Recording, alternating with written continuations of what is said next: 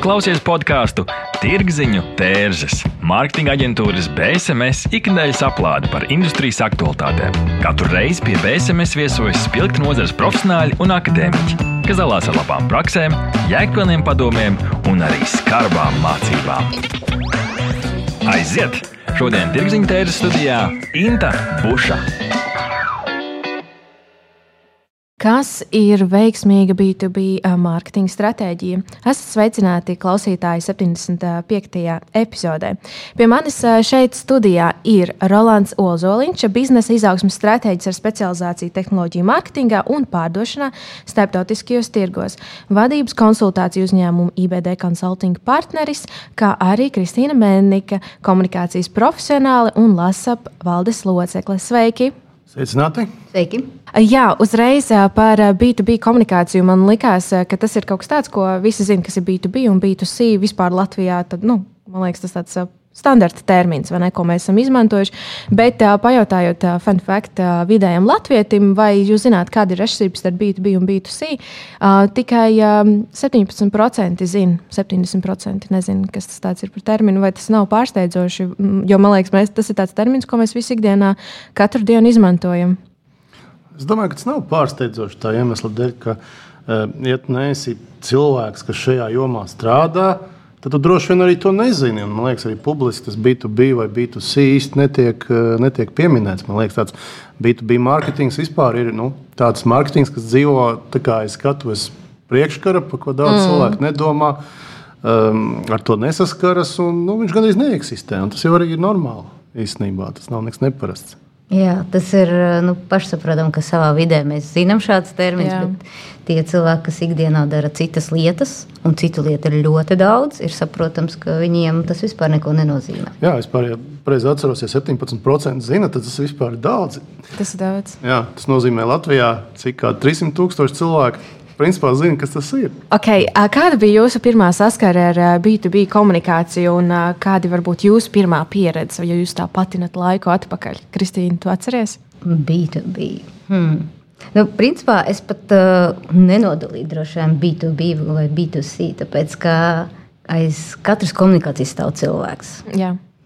Piemēram, Jānis ir nezinu, trīs bērnu tēvs un uzņēmuma vadītājs, un viņš skatās, lasa Delfus Un, nu, viņš skatās kā tēvs vai skatās kā uzņēmuma vadītājs. Nu, kur mēs to varam nošķirt? Bet, principā, visdrīzāk pirmā saskarsme bija kopā ar Rolandu, kad mēs strādājām Microsoftā. Jo, principā, Latvijā Microsoft uh, tirgo caur partneriem.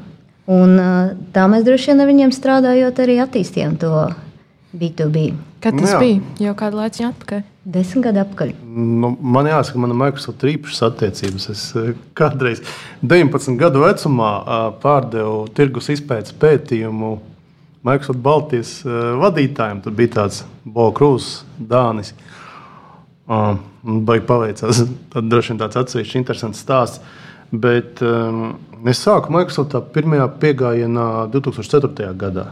Un otrajā, laikam, 2010.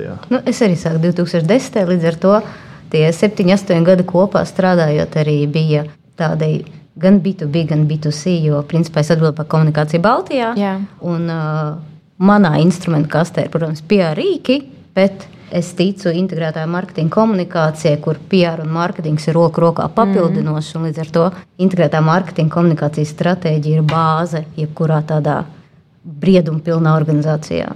Bet, ja mēs paskatāmies atpakaļ uz to 2004. vai 2010. gadu, B2B komunikācijā ir kaut kas mainījies konceptuāli, vai uh, ir rīki tikai mainījušies un jaunas, varbūt, tehnoloģijas nākušas klāt? Es domāju, ka ir notikušas ļoti būtiskas izmaiņas, un tās būtiskās izmaiņas ir notikušas tāpēc, ka pateicoties mārketinga tehnoloģiju attīstībām, pateicoties internetu izplatībai, pēkšņi kļuva iespējams mērīt, mērīt ietekmi. Mm -hmm. Pateicoties tam, ka ir ielikās iespēja mērīt ietekmi. Šis mārketings vispār mainījās, ļoti būtiski mainījās uzsvari un tā tālāk. Tāpēc teikt, ka tas mārketings tiešām ir ļoti mainījies. Ja mēs paskatāmies mm, tad labu laiku atpakaļ, nu varbūt patinām to filmu vēl tālāk, teiksim, es nezinu, 20 gadus atpakaļ. Tad B2B mārketings klasiski nodarbojās ar ko? Nu, ar to, ka rīkoja pasākumus, ar to, ka sagatavoja informāciju klientiem, ar to, ka rīkoja nu, kaut kādas kā ir promotion latviešu. Virzīšana. Jā, kādas virzīšanas kampaņas, vai no atlaidi, vai kaut kādām balvām, vai kaut kādām uh, sacensībām, teiksim, partneru kanālam un tā tālāk. Uh, savukārt uh, šodien uh, prasmīgs B2B mārketings ir uh, ļoti balstīts uh, datos. Viņš balstīts uz to, ka tiek uh, ļoti precīzi izprasts pircējs, pirkšanas ceļš.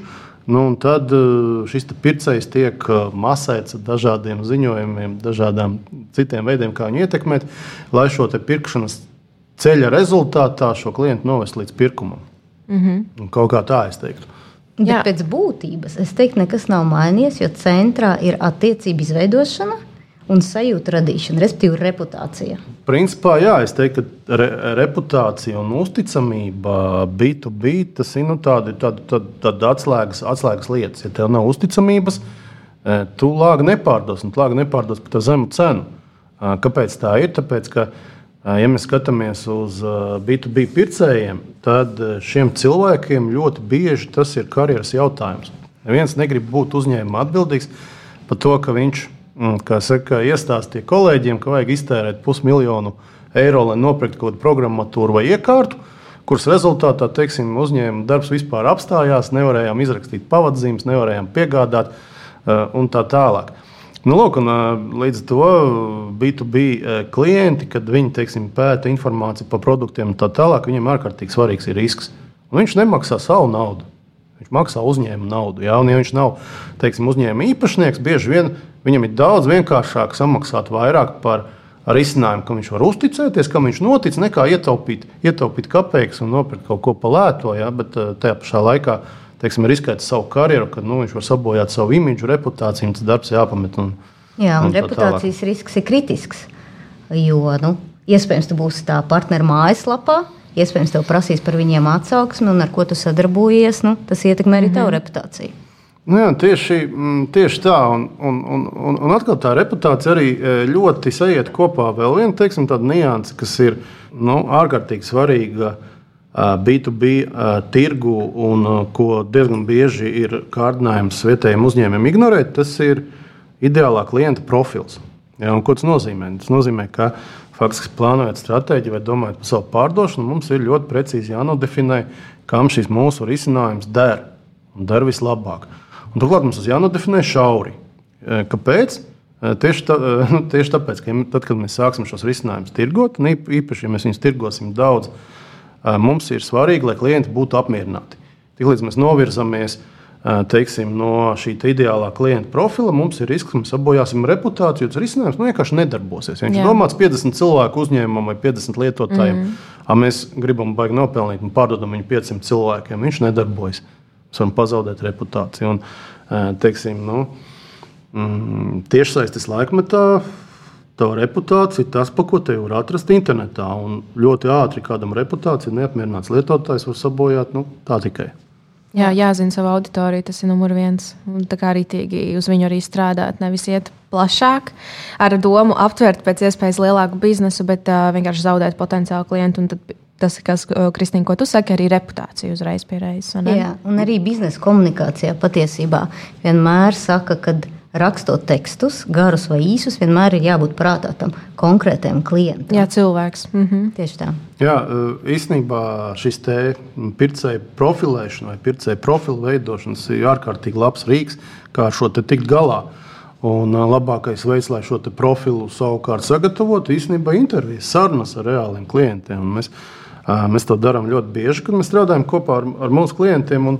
Es nebeidzu būt pārsteigts, cik bieži tur atrodam nu, kaut kādas tādas lietas, kas ļoti atšķiras no, no tā, kā varbūt klients uz savu biznesu, biznesu skatās. Nu, piemēram, mums ir bijis gadījums, kad uzņēmums vēlas ieiet Rietumē Eiropas tirgos, ja, un viņš ir ļoti veiksmīgs jau, jau, jau Austrum Eiropā. Un tā. un, kad mēs runājam ar klientu, viņi var nosaukt veselu virkni teiksim, feature, produktu mm -hmm. iezīmi, kāpēc, kāpēc viņi ir labs uh, risinājums, kāpēc viņas klienti uh, kas saka, izvēlas. Bet, kad mēs nonācām līdz klientu intervijām un aprunājāmies ar viņiem, Tas ir pilnīgi kaut ko citu. Jā, izrādās pavisam kaut kas mm -hmm. cits. Un izrādās tas iemesls, kāpēc šī uzņēmuma um, mm, pakalpojums izmanto, ir uzņēmuma dibinātāja ārkārtīgi augstā reputācija un atpazīstamība. Ja? Un, uh, viņu teiksim, ļoti bieži tas veids, kā viņi iegūst jaunus klientus, ir caur personīgām komunikācijām. Kad cilvēks tiek saukt, saukts vārdā, ka viņa uzņēmumam var ļoti uzticēties, var ieteikt, ja, un nekad nevienam nav bijušas nekādas teiksim, ziepes. Ja, un šādā, un šādā situācijā nu, šo pašu reputācijas lietu pārlikt uz citiem tirgiem nu, ir, ir ļoti grūti īstenībā.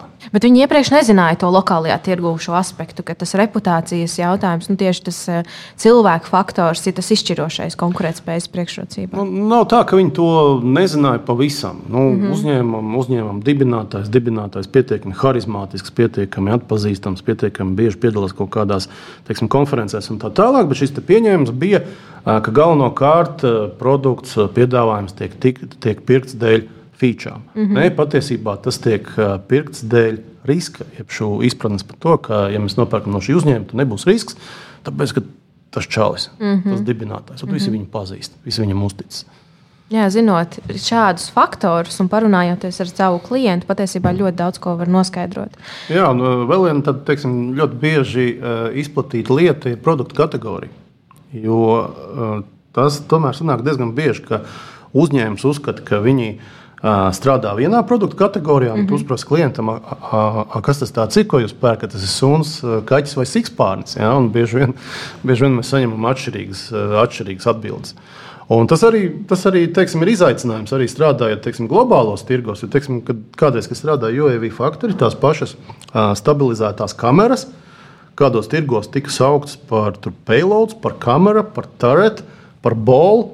Un, man liekas, vēl bija divi kaut kādi citi nosaukumi. Uh, Tā kā, tādas lietas tu bieži vien nu, nevari uzzināt vienkārši nerunā ar, ar, ar saka, pircējiem. Tu viņiem neuzprasi. Izklausās, ka tas ir arī viens no tādiem pirmajiem un kritiskajiem punktiem, domājot par to, kā plānot vispār B2B mārketinga stratēģiju. Pareizi? Integrēto mārketinga komunikācijas stratēģiju. Te jums ir komunikators pie galda. Jā. Es ar saviem instrumentiem jaucos iekšā. Jā, bet es domāju, Kristīna, tu noteikti arī, arī, arī piekritīs, ka sāk, sākumā viena no pirmajām lietām ļoti precīzi saprast uh, pircēju. Un uh, B2B uh, gadījumos jāņem vērā, ka ļoti iespējams, ka tev jāsaprot ne tikai viens pircējs, bet varbūt uh, 3, 4, 5, 6. Jo pieņemsim, ja, nu, ja šis lēmumu pieņ, lēmumu pieņemšana notiek uh, sarežģītāk. Un parasti tā arī ir. Teiksim, pēc statistikas vidēji 4,7 cilvēki ir iesaistīti. Mm -hmm. Tad ļoti iespējams, tur ir teiksim, biznesa cilvēks, kas funkcionāli atbild par šo jomu. Teiksim, ja tas ir programmatūras risinājums, ļoti iespējams iesaistīts IT cilvēks. Ja tur ir saistība un parasti ir ar, teiksim, ar datiem, klientu datiem, ļoti iespējams tur iesaistīta juridiskā daļa. Tad ir finanses cilvēks, kas vērtē finanšu atbilstību un tā tālāk. Tā tālāk. Pilnīgi atšķirīgi cilvēki. Jā, mm. ne, nu, mūsu praksē, savu interesi. Nu, nu, tieši tā. Un, mūsu praksē ir tā, ka nevienmēr ir tiešām pamats saka, intervēt, intervēt katru no šiem cilvēkiem. Bet vienmēr ir jāatcerās, ka tur iespējams ir vairāk cilvēki, kas ir jāņem vērā. Un varbūt pat, ja nav vērts šo te, teiksim, lomu īpaši pētīt un analizēt, ir jāpaturprātā, ka tāda loma ir. Nu, pieņemsim, ja mēs pārdodam IT risinājumus, eh, tipisks iebildums eh, no IT saka, vadītāja varētu būt tāds, kā mēs šo risinājumu uzturēsim. Eh, kā šis risinājums ietekmēs mūsu organizācijas darbu, budžetu. Ja? Mm -hmm. Viņa bažas parasti ir, ka tas nerada teiksim, vairāk, nu, vairāk lieka darba, neapēd viņu budžetu, ja? un galu galā viņi nepaliek vainīgi par to, kas tur beigās nu, saka, sanāca.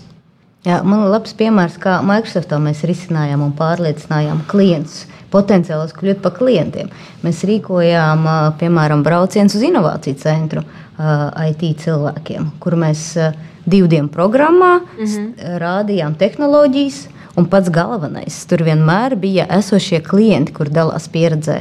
Jo arī no pārliecināšanas tehniski, ja mēs skatāmies, tad trešās puses referents vienmēr būs spēcīgāk par to, mm -hmm. ko mēs paši pasakām. Tas ir nu, arī ikdienas tādā komunikācijā vienmēr ir labāk, ka tevi piesaka kāds cits, nevis ka tu tagad pats savu uh, dzīves gājumu izklāsti. Jā, līdz ar to tādi braucieni, šourūmi, izstādes, uh, pasākumi vienmēr ir ļoti labi rīki, lai parādītu praksē uh, konkrēto preci vai pakalpojumu.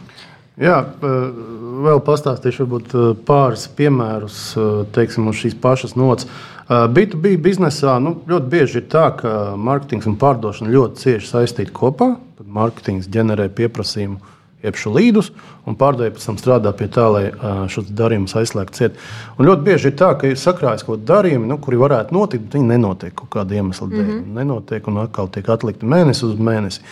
Un, uh, tas, kas uh, bieži vien ļoti labi darbojas, tas, Kristi, tas ko Kristīna minēja, demonstrācijas, vizītes un tā tālāk. Uh, piemēram, manā iepriekšējā darbvietā, UAV Factory, mums bija slēgta gaisa telpa mm -hmm. aiz, aiz, aiz, aiz Jelgavas, kur mums bija lidaparāti. Un, uh, mēs diezgan bieži organizējam klientu vizītes. Nu, ja mēs paskatāmies, teiksim, atlidot klientam no Latvijas Amerikas LR attā uz Latviju, lai paskatītos divas minūtes, kā lidmašīna paceļas pariņķi un nosēžas, ir ļoti liela investīcija. Jā. Bet, ja mēs paskatāmies to kontekstā, ka šī sistēma, ko viņš pērk, maksā varbūt pusmiljonu vai miljonu, nu, tas ir kapeiks. Tur kaut kāds 5000 varbūt, dolārus to aiziet. Un ārkārtīgi labi darbojās šīs demonstrācijas, lai izkustinātu tādus iesēdušos darījumus, kas īsti neiet. Un tāpēc tās izstādes. Jā, tur varbūt klienti runā gadiem ilgi, bet tad, kad tev izdodas satikt viņu izstādē, jūs viens otram paskatāties acīs, parāda to, dem, to produktu, pademonstrē, tā lieta var aiziet, viņa var izkustēties. Jā, un fonā mārketinga un pārdošanas cilvēkiem strādā PR cilvēki ar rakstiem. Portālos, mm. laikrakstos, ar viedokļu rakstiem, ar intervijām tā lai uzņēmums, uzņēmuma vadītāji un eksperti ir redzami publiskajā telpā, jo tā atkal ir publiskā uzticamība. Uh, man ir labs piemērs, uh, uh, piemēram, Zana Čukstēna no Erdas. Mm -hmm. Viņa par darba devēja tēlu runā visos iespējamos pasākumos. Un, ja man kāds uzprasa, vai tu pazīsti kādu, kurš var palīdzēt ar darba devēja tēlu, protams, pirmais man nāk prātā Zana un es iesaku Erdu. Jā, protams, publikācijas palīdz noteikti. Mēs dodamies nelielā reklāmas pauzē, bet pēc tam jau turpinām par uh, B2B komunikāciju un praktiskiem ieteikumiem. Neatbildami jautājumi, sarežģīti lēmumi. Sazinies ar Norstat. Mēs palīdzēsim. Norstat. Tas ir draudzīgs servis, innovatīvi risinājumi un kvalitatīvi dati, lai tu varētu pieņemt veiksmīgus, datos balstītus lēmumus. Pievienojies vairāk nekā simts Latvijas uzņēmumiem, kas uzticas vadošajam datorisinājumu nodrošinātājam Ziemeļeiropā. Mūsu mērķis ir atvieglot tavu dzīvi un ļaut pieņemt pareizus lēmumus. Norstat - vērtīgi dati svarīgiem lēmumiem. www.norstat LV BSMS - tas ir zīmola pārdošanas un mārketinga atbalsts, stratēģijas, satura un menedžmenta pieredze kopš 1999. gada. BSMS nodrošina radošas, tradicionālas un digitālās pārdošanas veicināšanas kampaņas un konsultācijas. Apmeklē mūsu mājaslapu www.bsms.lv un uzzini vairāk! Par B2B komunikāciju saņēmu patiesībā vairākus e-pastus uz tirgziņu tēras e-pastu, un cilvēki jautāja, kas strādā B2B komunikācijā, un jums ir daudz epizodes tirgziņu tēras podkāstam par B2C komunikāciju, bet neviena par B2B. Un tad man uzreiz jautājums ir, kādi ir tie rīki, kas strādā, un varbūt kādi ir tie jūsu pieredzes stāstī, kas to atspoguļo? Nu, es teiktu tā, ka tas ir ļoti atkarīgs no konteksta, un atkarīgs no uzņēmuma lieluma vēstures, finansiālajām iespējām un tā tālāk.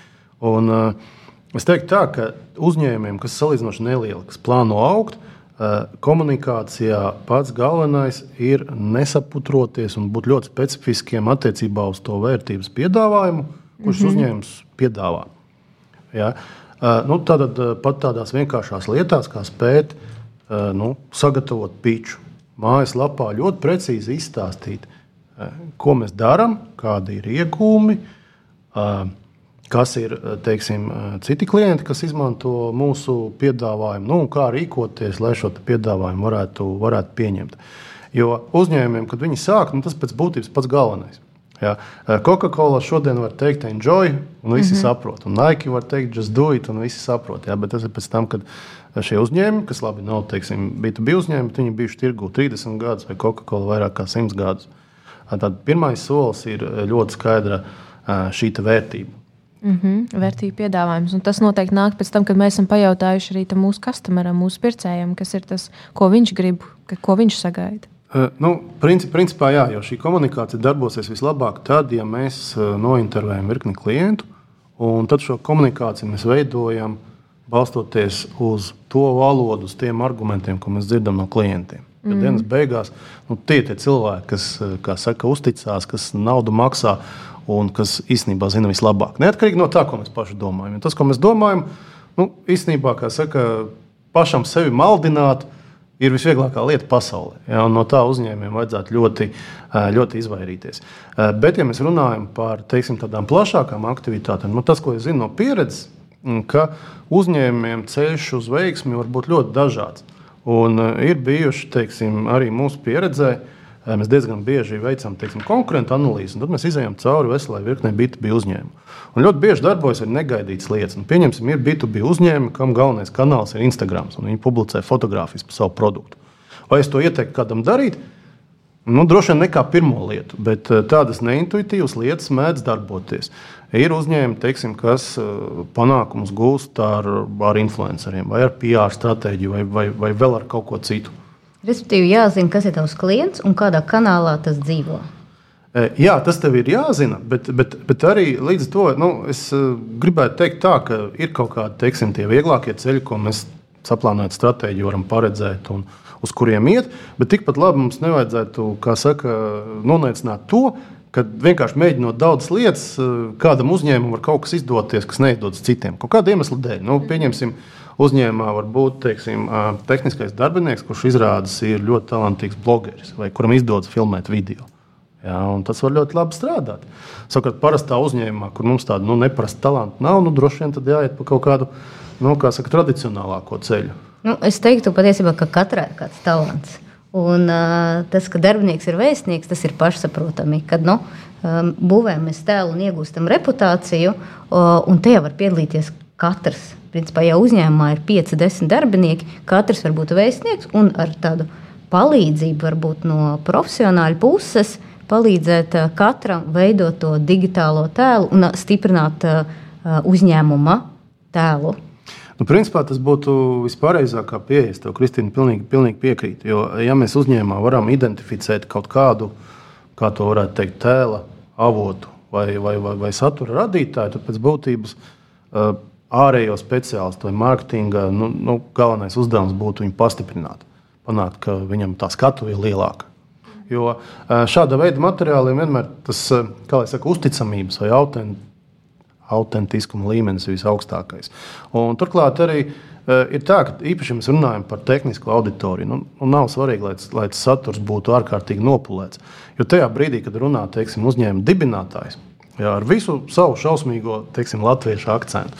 Vai runā galvenais arhitekts ar, ar, ar, ar šausmīgu industrijas žargonu. Uh, Tajā brīdī, kad viņi runā, viņi runā no sirds, ir baigi viegli noticēt. Jā. Un tad pilnīgi vienalga, ka viņš nezina angļu valodā nepareizi lieto artikulus vai, vai viņam šausmīgs akcents. Viņam vienkārši tici pateicoties nu, tam, ka viņam vienkārši tic, viņš ir absolūti autentisks. Jā, jo ir pierādīts, ka uh, vairāk tic cilvēkiem, nevis uzņēmumam. Tāpat arī nu, sociālajos kontos vai nu bankai tic vairāk, vai nu tās darbiniekiem. Nu, tā uzticamība ir stipri lielāka, ja to darbinieki nodod. Jā, tas reizēm ir arī liels, liels izaicinājums. Īpaši, ja teiksim, tas ir startups, ko ir plānots pārdot, nu, tev kaut kā jāpanāk, lai.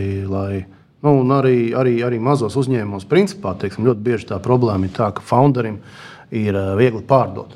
Viņš tur izstaro pārliecību, harismu un tā tālāk. Bet tu nu nevari skalot, tu nu nevari mērogot. Tev jāpanāk, ka citi cilvēki var pārdot, ka uzticas jau uzņēmuma zīmolam, ne tikai tur, konkrētam cilvēkam. Mm -hmm. Tātad klausītājiem, manuprāt, ļoti svarīgi šeit piefiksēt to, ko jūs sakat, ka, ja uzņēmums jūt, ka viņi kaut kur ir labi, viņiem ir kaut kāda iekšējais resurs, vai nu, tas ir harizmātisks līderis, vai kāds darbinieks, kas taisa foršus TikTok video vai jebko, tad noteikti padomāt, varbūt tas ir iespējams to izcelt un arī tiešām padarīt tādu vēl stiprāku to pusi. Bet jums nav tā bieži, ka citreiz jūs redzat, ka B2B komunikācijā, ka komunikācija ir ļoti garlaicīga, tas, ko Rolands saka, ir stīva, ka viņi varbūt pārāk nopulēti un pazaudēts tas autentiskums autentiskums tajā visā. Vai arī jau šodien ir tā, ka katrs domā par to savu autentiskumu un razīnīti? Nu, es teiktu, ka tā ir ļoti bieža problēma. Tā ļoti bieži problēma ir lielām korporācijām patiesībā. Tāpēc, ka lielās korporācijas ir uz ļoti liela skatuves, viņam jāņem vērā ļoti dažādu gan iekšējo, gan ārējo stakeholderu saka, viedoklis. Savukārt, mazs uzņēmums var būt ļoti, ļoti nekaunīgs, ļoti agresīvs. Viņam nekas par to ne, un elastīgs saka, arī nu, savā nu, komunikācijā. Nu, arī elastīgs, mm -hmm. jā. Viņš var iziet uz kaut kādu konfliktu, viņš var iziet uz kaut kādu uh, asumu un tā tālāk. Uh, nu, es teiktu, ka B2B, uh, B2B vidē garlaicīgs konteksts, garlaicīgs saturs nevienmēr ir slikti. Jo, mm -hmm. Jo raugi kā var būt. Mērķa auditorija varbūt tāda pieprasa. Īpaši, ja kotēta biržā jau uzņēmums. nu, nu ir, ir, ir, ir, ir, ir viens garlaicīgs tehniskais cilvēks, un viņa auditorija precīzi tāda paša garlaicīga citi cilvēki. Un, savukārt viņiem tas interfejs saslēdzas, un, mm -hmm. un šis saturs tiek ļoti sekmīgi, uh, sekmīgi nodots. Bet uh, kopumā es teiktu, nu, es pats, kad skatos uz uzņēmumiem, man tā drusku interesē vairāk. Nu, Tā, tā kā uz cilvēku kāds viņam raksturs, vai viņam ir dvēsele vai nav. Tāds ļoti nopulēts saturs nu, dažreiz. Dažreiz rada tādu pretēju iespēju, ka nu, šis ir mārketinga teksts, nu, ko es viņu lasīšu īstenībā. Neusticamība, vai ne? Nu, nav tā. Man liekas, citreiz es atkal skatos uz šiem ļoti noslīpētajiem uh, tekstiem, B2B komunikācijā, kuri principā bieži pēc viena templēta. Uh, Un tas rada tādu neusticības sajūtu, jo tur nav autentiskums, tur nav nekādas sajūta par to zīmolu, vai līderi, vai cilvēkiem, kas stāvēs tā. Tur liekas, uzreiz kaut kas sketčīgi. Nu, komunikācijas mērķis, eh, eh, protams, ir eh, nodot konkrēto ziņu un radīt sajūtu. Pozitīvu sajūtu. Jo ir tas, ka bieži vien mēs dzirdam tekstu vai satiekam kādu cilvēku, un mēs nedzirdam, ko, ko viņš runā, bet mums paliek tā sajūta. Uh, un ir svarīgi to atstāt pozitīvo sajūtu. Un, un, un, un vēl viena lieta ir tas, ka nu, ļoti bieži, uh, nu, ja mēs runājam par B2B uzņēmumiem, īpaši maziem, uh, tas, kas viņiem viena no galvenajām problēmām, tas ir pietiekami prasmīgi integrēt iekšā mārketingu.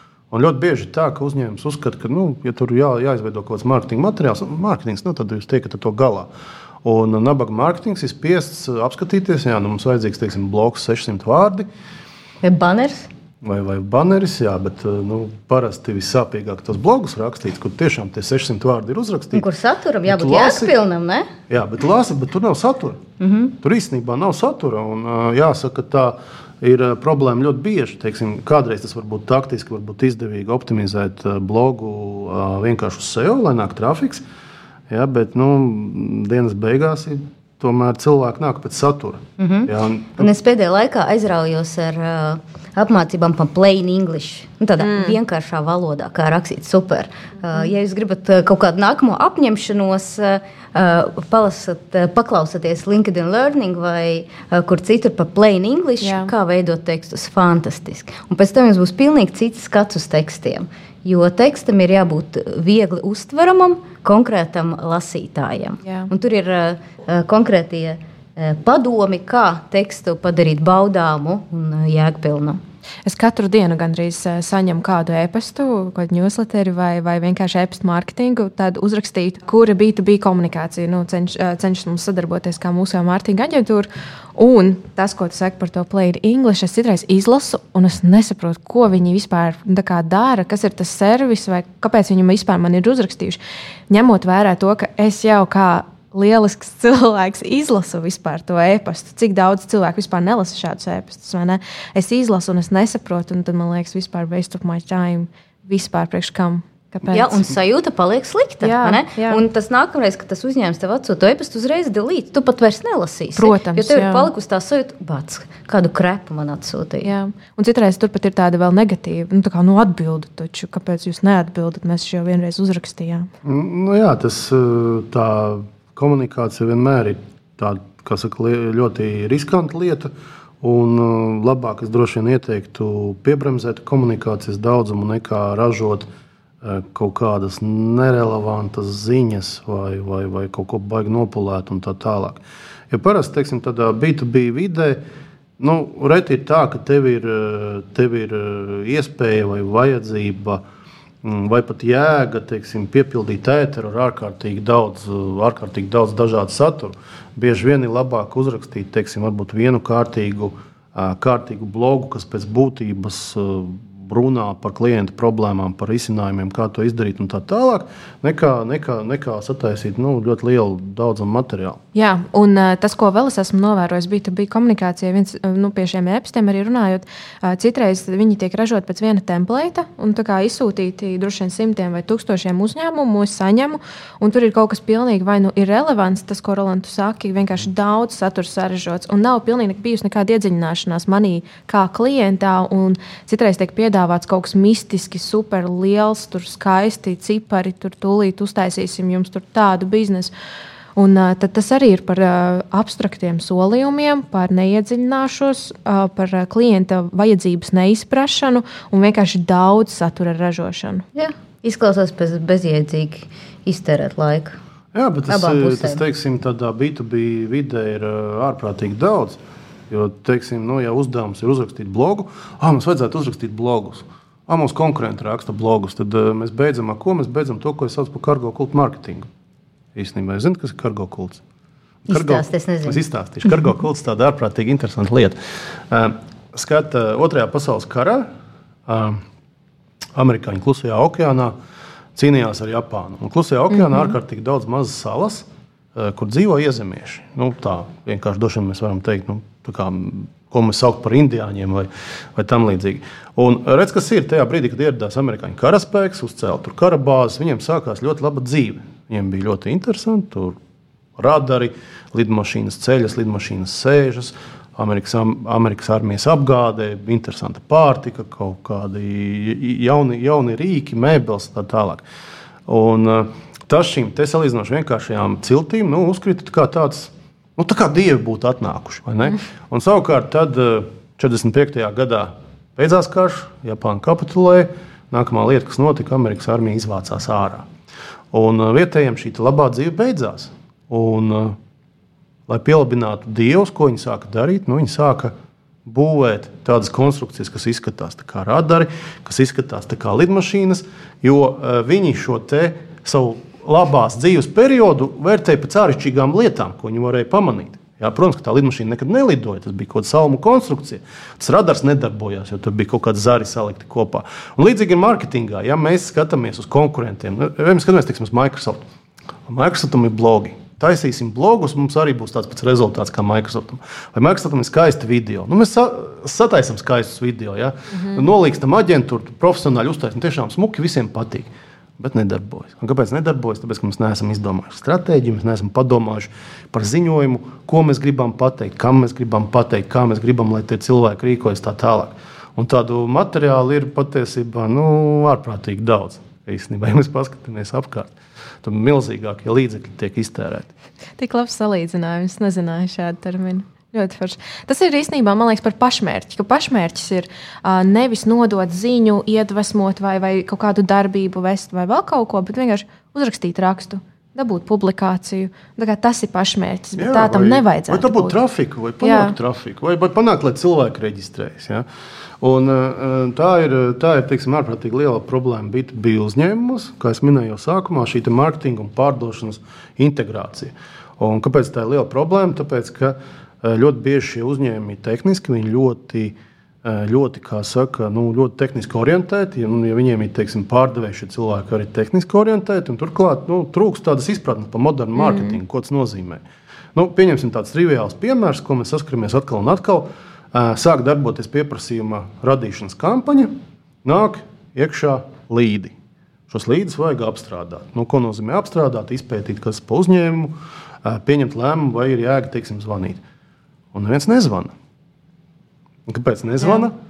Nu, Izrādās, pārdevēji nesaprot, ko tur nodarbojas eh, mārketings. Nu, viņiem nav laika. Nu, nu, kas tur kaut kāda līnija? Vai vēl trakāk, kad nespēja apkalpot visus līdzekļus, ka trūkst cilvēku resursu, lai līdz apstrādātu. Nu, nu, nu, ka mārketings ir tā pārcenties, ja? nu, ka iekšēji netiek uh, galā. Nu, jā, tā arī ir problēma. Jo skat, kas notiek eh, tajā brīdī, kad -hmm. mums rodas papildus pieprasījums, katru ienākušo līdu vajag apstrādāt daudziem vajag piezvanīt.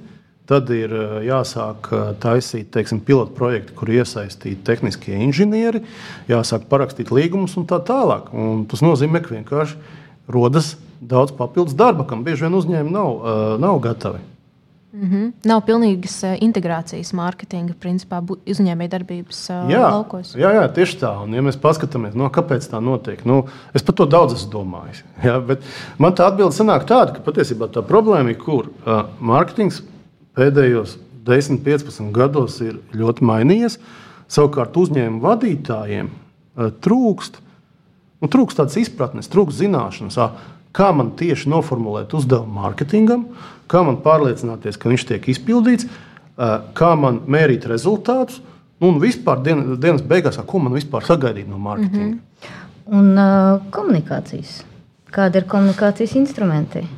ko izmantot. Bet tas ir arī, varētu teikt, ir saistīts ar to jau lielāku, lielāku problēmu, ka augstākajā vadībā vienkārši nav CMO, nu, ka nav mārketinga speciālistu vai komunikācijas speciālistu, un viņš nesēž pie lielā galda. Jā, un, un, un, skat, uh, un tas dienas beigās noved pie vēl lielākas nelaimes. Izstāstīšu, kas tā nelaime tāda ir. Uh, starp citu, es te pāris dienas atpakaļ tieši vācu fakts par šo tā, ka tā, mm -hmm. ir, mhm. tā ir patiesībā statistika. Ja mēs paskatāmies uz to, cik lieli ieņēmumi tehnoloģiju uzņēmumu Latvijā ir uz vienu cilvēku, salīdzinot teiksim, pret Somijas uzņēmumiem. Ja, šī atšķirība ļoti būtiska. Nu, viņa ir vismaz, vismaz uz pusi, ja ne divas reizes. Tālāk, ja mēs mēģinām šķietināt šo lietu, kāpēc tā ir? Jā. Ja? Un uh, tas, uh, kur šī atšķirība veidojas, ir tas, ka, uh, un atkal es nevaru vispārināt pa visiem uzņēmumiem, bet lielākā daļa tehnoloģiju uzņēmumu nemāk marketēt un pārdot savus produktus. Ar ko mēs saskaramies ļoti bieži, īpaši tādiem mazākiem tehnoloģiju uzņēmumiem. Viņi saka, mums nav naudas mārketingam. Mm -hmm. Un izrādās, plānojot biznesu, plānojot cenas, viņi nekad nav padomājuši, ka viņiem vajadzētu nu, paredzēt kaut kādu budžetu mārketingam. Un pie kā mēs nonākam? Ja, to mēs esam redzējuši atkal un atkal. Teiksim, tehnoloģija uzņēmums, viņiem ir kolosāls produkts, pie tā strādā septiņi gadi, visi pasaules līmenī. Stingri ņemot, viņu produkts ir labāks kā konkurentiem, bet viņi cīnās par pārdošanu. Neviens par viņu nezina, neviens lāga mm -hmm. nepērk. Un mums ir bijis pat tā, ka eh, mēs veicam klientu intervijas. Klientu intervijās saka atklāti, mēs nesaprotam, kāpēc tas produkts tik lēts ir īstenībā. Mēs no sākuma mm. baidījāmies paņemt tik lētu produktu, droši vien viņš nav labs. Aizrādās, viņš baigi labs. Ir. Un tā atšķirība ir, kur tie uzņēmumi neiegulda mārketingā. Viņi neveido atpazīstamību, viņi neveido uzticamību, un viņi, e, kā saka, nu, nerada visus tos signālus, mm. kas pircējiem ļauj izvērtēt un pieņemt to kā vērtīgu, labu produktu. Jo dienas beigās cena ir ļoti subjektīva lieta. Jā, tu pirksi to produktu, kuram tu uzticies, bet tu, tu uzticēsies tam, kur tu vari izlasīt case study, kur ir kaut kāds mārketinga saturs. Kur elementāri vadītājs ir LinkedIn vai ne, kur Google tu vari atrast rakstus vai video. Nu. Jā, jā tie, tieši tā. Ja tev nav šī mārketinga atbalsta, tu nevari pacelt cenu. Vēl viena lieta, es modelēju pavasarī īstenībā. Es uzmodelēju vidējas, nelielas tehnoloģiju firmas vai uzņēmuma biznesa modeli ar visām izmaksām, resursiem, kas nepieciešami tā tālāk. Kas ir vienkāršākais veids, kā palielināt peļņu? Varianti? Nu, cerams, ka ne cenas izmaiņas. Nē, absolūta cena. Absolūta cena ir uh, praktiski uh, pirmā lieta, kas dramatiski paceļ peļņu. Ja? Un Latvijā tehnoloģiju uzņēmumi, ne tikai Latvijā, Austrumēropā, Baltijā, šie uzņēmumi dibinātāji varētu braukt, nezinu, Ferrari, Lamborghini, bieži vien lidot privātajām lidmašīnām, ja viņi ieguldītu mārketingā. Viņu uzņēmumi augtu straujāk, viņi pārdotu produktus dārgāk, viņi varētu atļauties, nezinu, pārvākties labāku biroju, nolikt labāk. Viņi to nedara, kāpēc? Tavuprāt, nav zināšanu? Nē, es domāju, ka viņi nedara to tāpēc, ka uh, viņiem, pirmkārt, viņiem nav zināšanu īsti par to, kā izmantot mārketingu. Un tā bieži vien sveša, sveša lieta, šie cilvēki auguši. Uh, dzīvojuši, izglītojušies tehnoloģiski, nu, tehniskā vidē. Viņi domā pirmkārt par, par, par, saka, par, par, par praktisko par pusi. Mm -hmm. ja? Uh, un otrkārt, ļoti bieži viņi mēģinājuši, bet viņiem nav sanācis. Ja, un, ja mēs paskatāmies, nu, kāpēc nav sanācis, ja, uh, tad es uh, šo problēmu redzu sekojoši. Pirmkārt, nebija pareiza stratēģija. Ja nebija pareiza stratēģija, mēs sākām kaut ko darīt ar ļoti lielu varbūtību. Mēs patiesībā nofeilojām. Ko mēs padomājām? Nu, tad tā lieta tāda nestrādā. Un nevis viņa mums nestrādā, vai mēs kaut ko nočakrējam. Viņa nestrādā vispār. Nu, ko darām? Samazinām izdevumus uz mārketingu. Nu, varbūt, varbūt pieņemam kaut kādus praktikantus darbā. Nedaram. Nav, nav jēga darīt. Ja? Un kas ir nākamais solis? Mēs samazinām, uh, samazinām budžetu, pieprasījums pēc mārketinga ir mazāks, algas mārketingā ir mazākas, mazāk cilvēki iet studēt mārketingu, un mēs iekuļamies tādā negatīvā, negatīvā spirālē, ka neviens neko nedara, tāpēc, ka nav, nav, nav jēga, mums nav bijusi šī te, uh, pozitīvā, uh, pozitīvā pieredze. Jā, tas ir interesanti. B2B tiešām esmu to ļoti novērojusi, ka uh, tieši tā uzņēmuma vienreiz pamēģina, nestrādā viss, tātad tas vispār nestrādā. Nevis mēs padomājam, varbūt mums kaut kāda nianse jāpamaina vai jāparunā ar mūsu cilvēkiem. Tur, ko mēs varam pamainīt, jāpagriež nedaudz, jāpielāgo vēl, vēl kaut kas tāds. Vai jāpamēģina vēlreiz? Jā, ne, vispār atmetam. Mm. Nedarām. Ne, bet, nu, to dienas beigās var arī, arī, arī, arī saprast kaut kādā, nu, kaut kādā mērā. Mm. Nu, Latvijā mēs cilvēki esam vienkārši, mēs esam ļoti pragmatiski. Vai nu kaut kas darbojas, vai nu nedarbojas. Melns, balts. balts vai mm. melns. Pamēģinājumi nedarbojās, liekam malā. Ja? Un tad mēs brīnamies, ka mums ir labāks produkts, bet mums viņi nepērk. Bet tāda arī piemēra par to startup vidi. Rietumē Eiropā tas ir normāli, ka no desmit startupiem, ko uzņēmējs ir nodibinājis, astoņi, piemēram, ir bankrotējuši. Mums tas ir liels pārdzīvojums, un cilvēks bieži vien vairs nemēģina. Nu, par startupiem man būtu, man būtu nu, grūtāk, grūtāk tā pateikt. Es domāju, ka nu, ja mēs skatāmies tīri klienti, ko mēs esam strādājuši, un mēs salīdzinām, teiksim, startupus pret uzņēmumiem, kas darbojas jau desmit gadus, vai arī teiksim, pret uzņēmumiem, kas desmit gadus jau darbojas sekmīgi vietējā tirgu. Jā, no šiem trim visgrūtāk ir tiem, kas veiksmīgi darbojas vietējā tirgu ilgstoši. Un kāpēc? Tāpēc, ka viņi laika gaitā ir iemācījušies, kas darbojas. Nu, principā biznesa viņiem darbojas. Jā, un, ja viņi mēģina iziet ārpus Latvijas šīs ne, salīdzinoši nelielā tirgus, nu, viņiem ir baigi grūti. Uh, savukārt, startupi ļoti bieži uh, viņiem šī eh, mārketinga vai pieprasījuma radīšanas izpratne ir. Jo ļoti iespējams, ka viņi gājuši cauri akceleratoriem, te cilvēki apmācīti. Viņi saprot, eh, saprot, kā tās lietas darbojas. Bieži vien viņiem ir tikai mārketings. Ja? Nu, tā arī mēdz būt. Jā.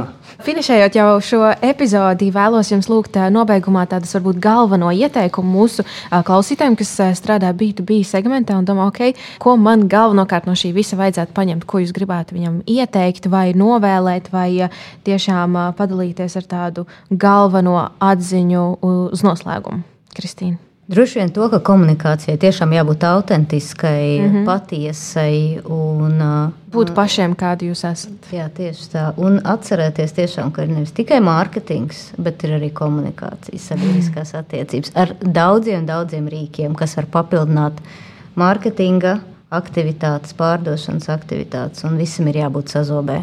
Nu, es no savas puses ieteiktu mēģināt eh, saka, uzzināt vairāk par mārketingu, par pieprasījumu radīšanu, aprunāties ar ekspertiem, piedalīties kaut kādos pasākumos. Teiksim, mums ir diezgan bagātīgs YouTube kanāls. Mums, man liekas, ir kopā kaut kāds 20 stundas eh, satura, kur mēs runājam pēc būtības par vienu to pašu lietu, kā radīt pieprasījumu tehnoloģiju uzņēmumiem. Jo eh, tas, es domāju, ir labākais veids, kā panākt, eh, panākt izrāvienu. Jā, jo zināšanas teiksim, par to, eh, kā radīt pieprasījumu ar mārketingu, nu, nevar rasties tuk, tukšā vietā. Tas nozīmē, nu, ka tāpat tās, kad teiksim, tev sāp zobs, tu ej pie zobārsta, nevis pats baksties. Nu, tāpat tās te arī būtu. Nu, Es teiktu, vienkārši, vienkārši, vienkārši ir vērts aprunāties. Ja? Jo mēdz būt, un tādi ir diezgan daudz uzņēmumu, kas ar salīdzinoši vienkāršām metodēm var panākt lielu rezultātu. Ir, protams, tādi gadījumi, kas ir tādi, teiksim, ļoti, ļoti sarežģīti. Bet, ja pēdējā, pēdējā lieta, tad, tad tas ir tas, ja, ka, ja jūs apsverat darīt tikai vienu lietu savā biznesa labā, paceliet cenu, jo tas pacels jūsu biznesa pelnītspēju. Savukārt, lai paceltu cenu, jums vajag nedaudz ieguldīt mārketingā, lai šo cenas uh, palielinājumu pamatotu. Un atceramies, ka aiz B2B stāv cilvēks, kurš meklē jēgpilnu, vērtīgu saturu un emocijas. Uz šīs uh, brīnišķīgās, iedvesmojošās nots mēs arī noslēdzam. Pie manis uh, studijā bija Rolands Ozoliņš un Kristīna Mennika. Lielas paldies jums! Paldies! paldies. Paldies, ka klausījāties BSMS podkāstu Tirziņu tērzes.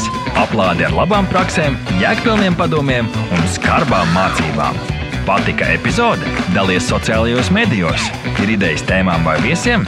Raksti mums! Tās bija Tirziņa tērzes. Tiekamies nākamnedēļ!